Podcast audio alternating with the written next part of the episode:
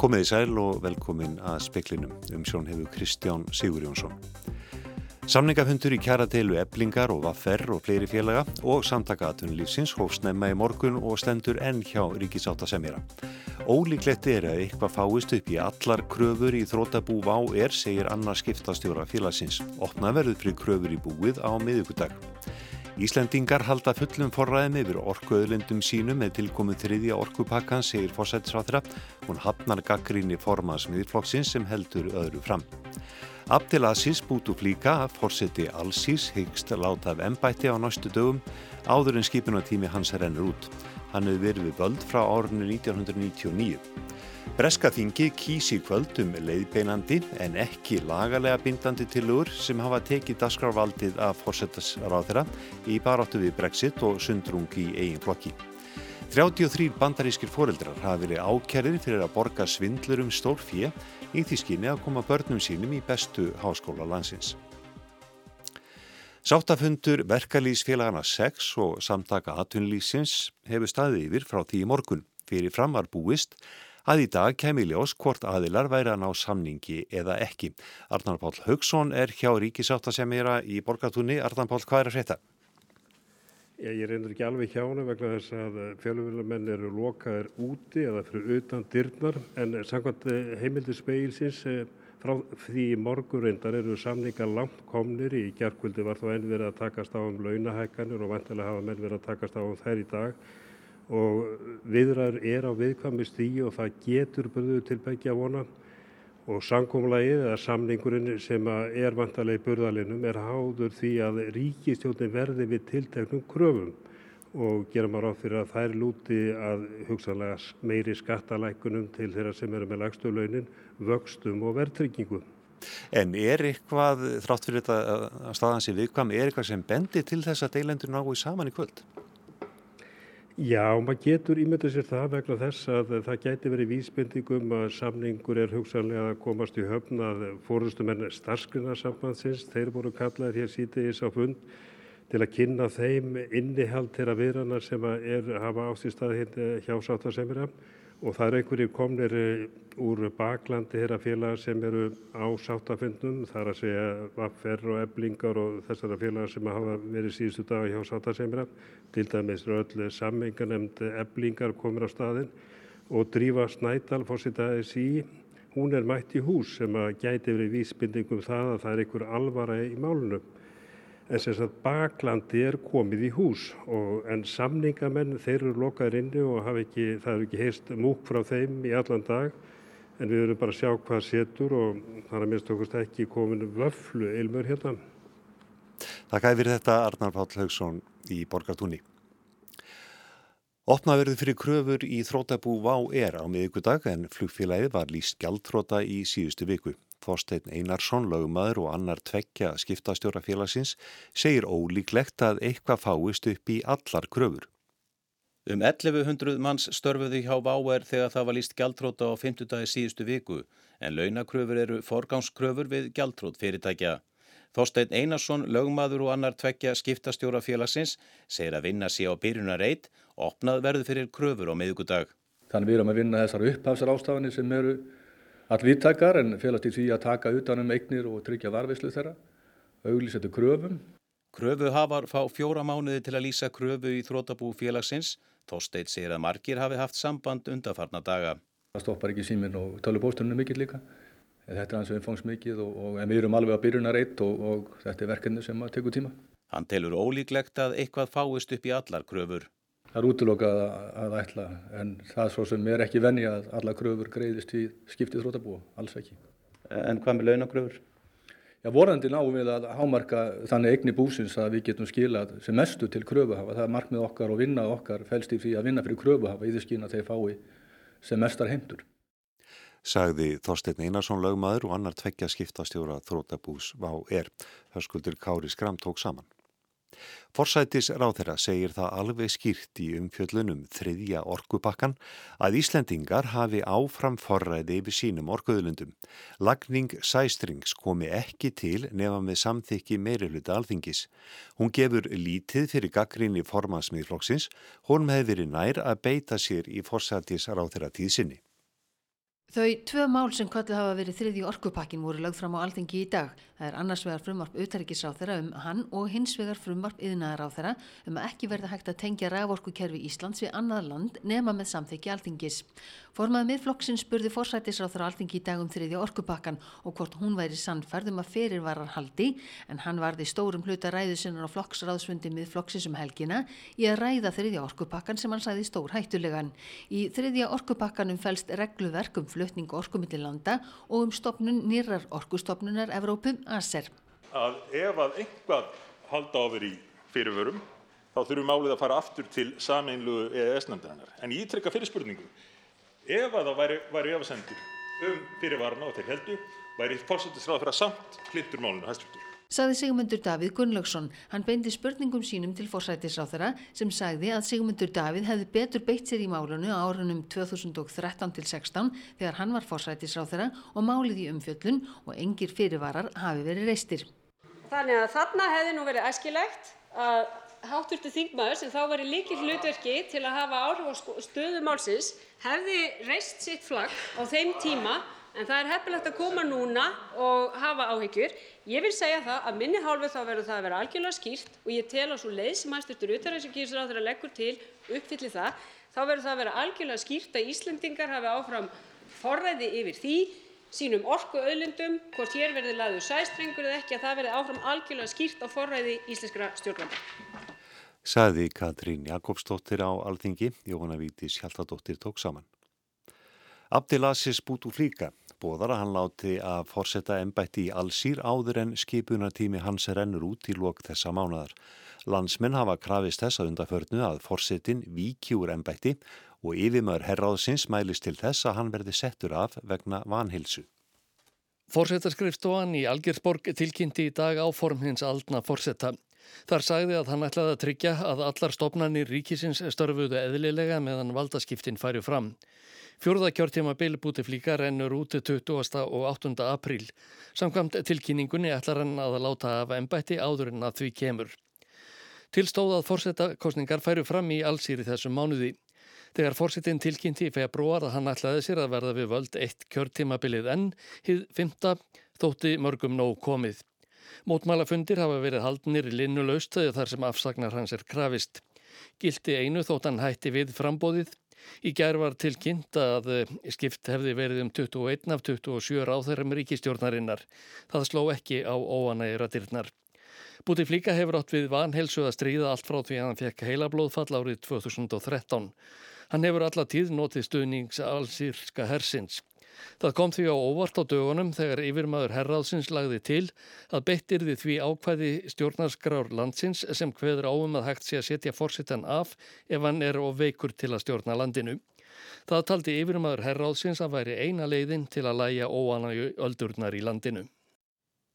Ásker Tómasson saði frá.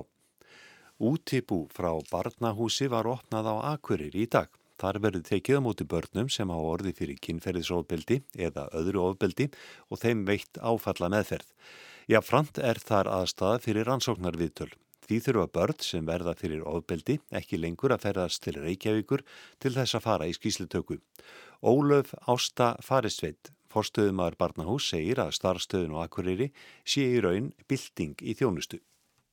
Og það er mjög mikilvægt í rauninni ef maður hugsa um hagsmunni barnana og hversu auðvelt þau eiga með að greina frá að umhverfi sé þeim hagfælt, þar sé að sé þægilegt og rólegt umhverfi þar sem þeim líður vel í. Ég held að séu þetta gríðarlega mikilvægt að uh, börn sem að verði fyrir ofbeldi geti sótt þessa þjónustu sem næst sinni heimabygð og þess vegna er þetta auðvitað mikið fagnarefni að við séum að stíga þetta skref og gæti orðið fordæmi fyrir aðra landsluta ef að vel gengur. Þetta var ásmundur Einar Daðarsson, áður heyrðist í ólöfu ástu farisveit. Vorbóðarnir flikkjast til landsins og nú er Lundin komin en til hans sást í Grímsei um helgina. Sankvann tilkynningu frá Akureyrbæ sá Svavar Gilvason í búi í Grímsei til Lundans á grásleppi veiðum um helgina. Svavar hefur skráð komi Lundans undan færið 19 ár og segir að hann sé viku fyrir á ferðinni en hann hafi verið. Yfirleitt koma kynþroska fugglar fyrstir en í byrjun mæ ættu nánast allir lundarnir að vera komnir heim. Fljótlega fara fugglarnir að undirbúa reyður hólur og er það yfirleitt karlfugglin sem greifur hóluna og notar þá bæði gogg og fætur við að móka.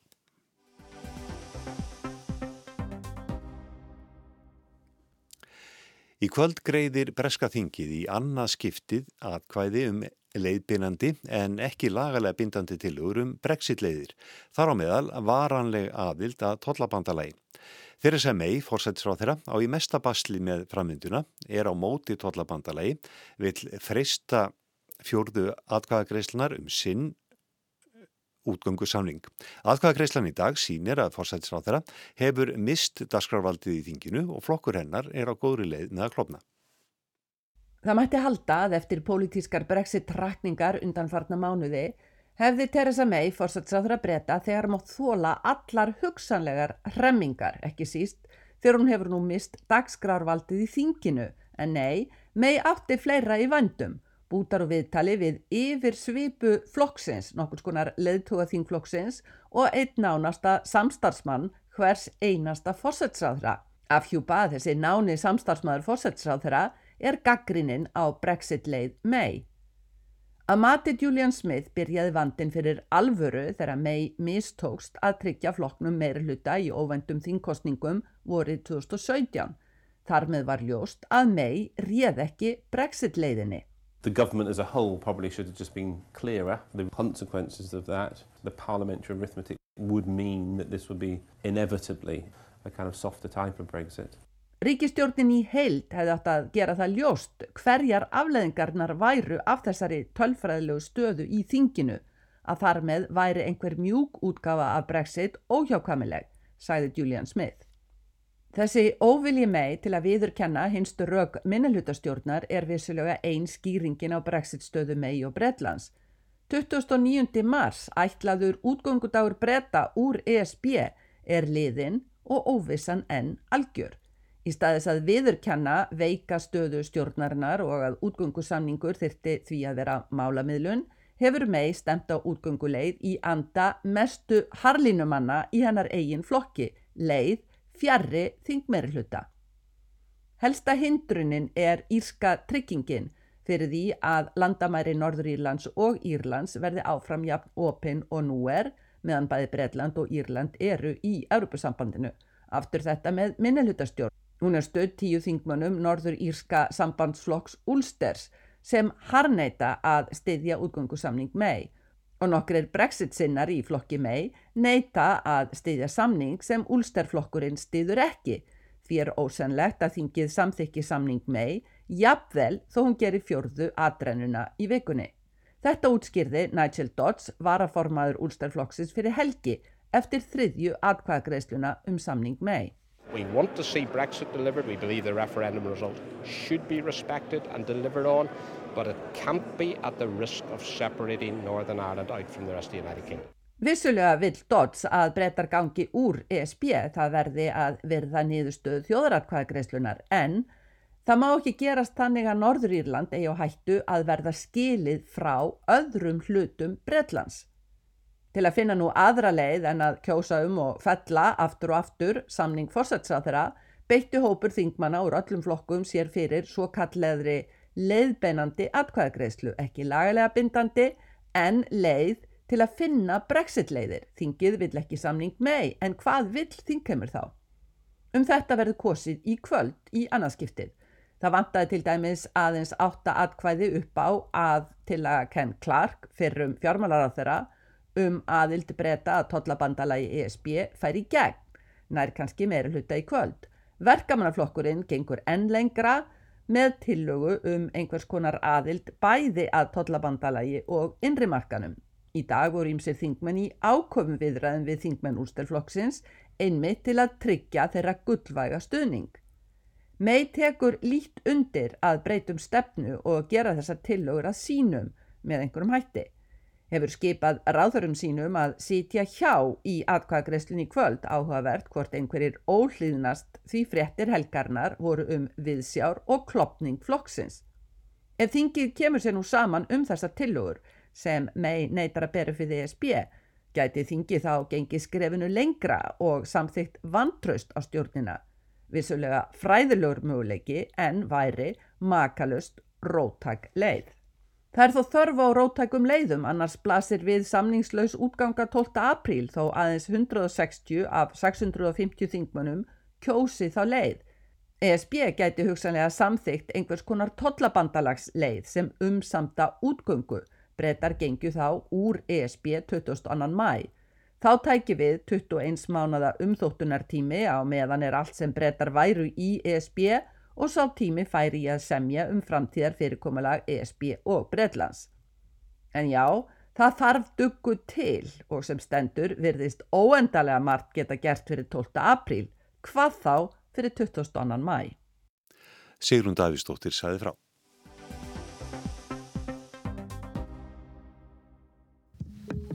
We're here today to announce charges in the largest college admissions scam ever prosecuted by the Department of Justice.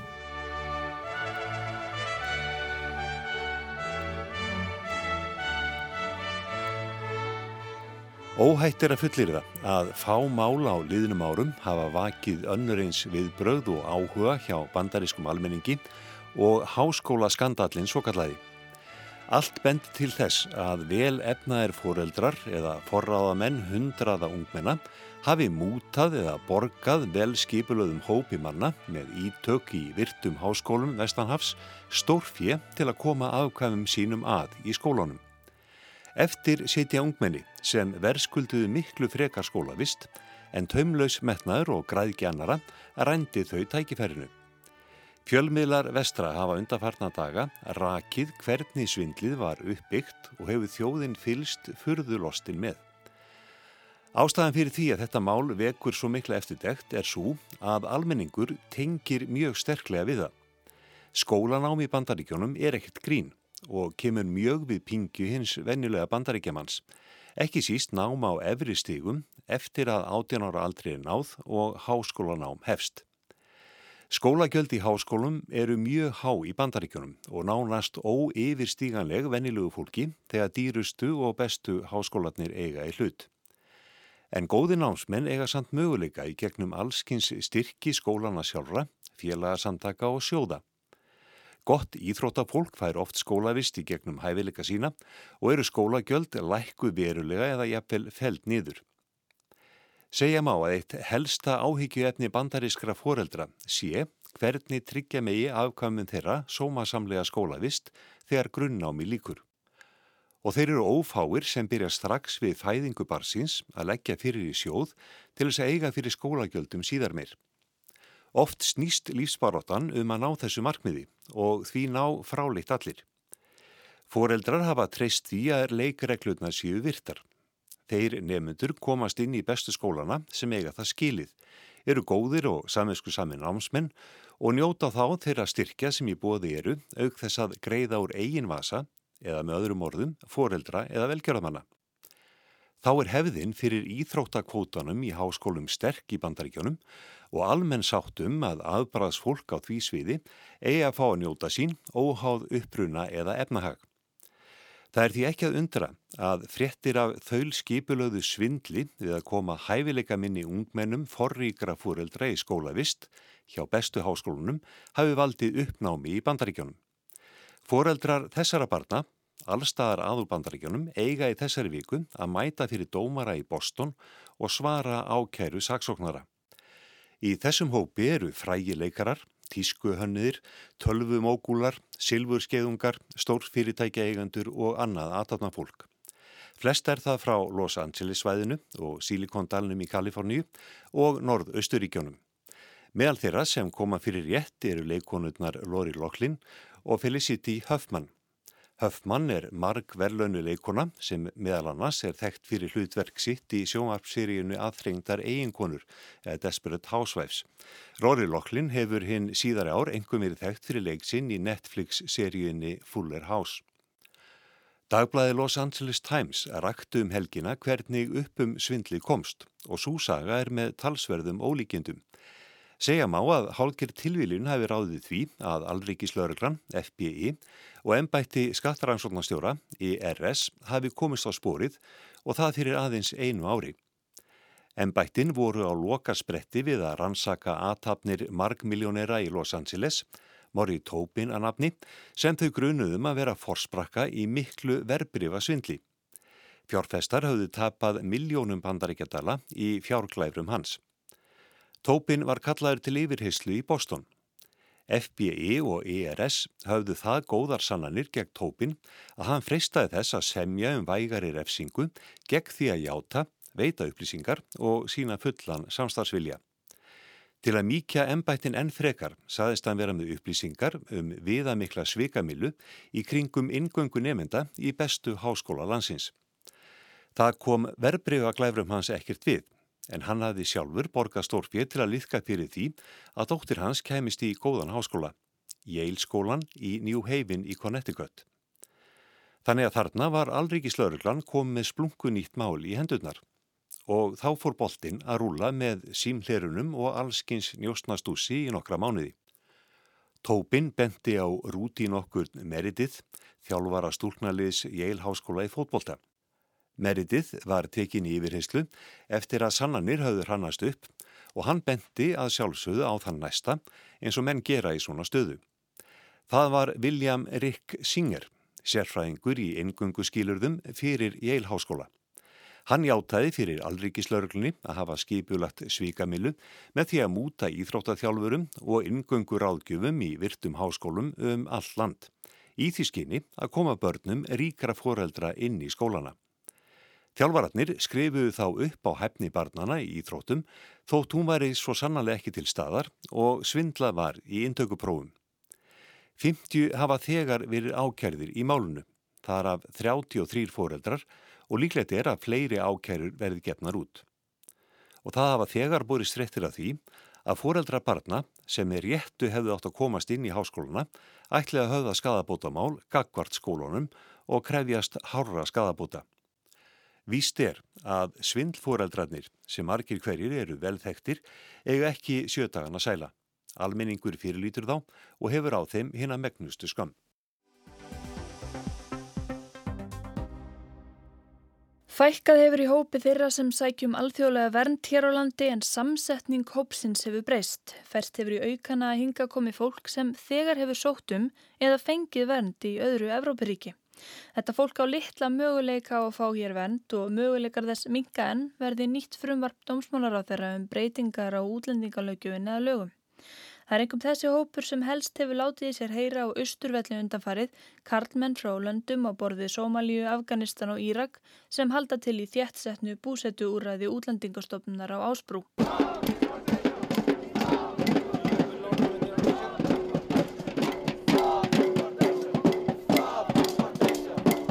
Árið 2015 stóð flóttamannakrísan sem hæst í Evrópu, hundruð þúsunda flúðu ofsóknir og stríðsátök heima fyrir. Hættu lífi sínu á ótryggum gummibátum á miðjararhafi.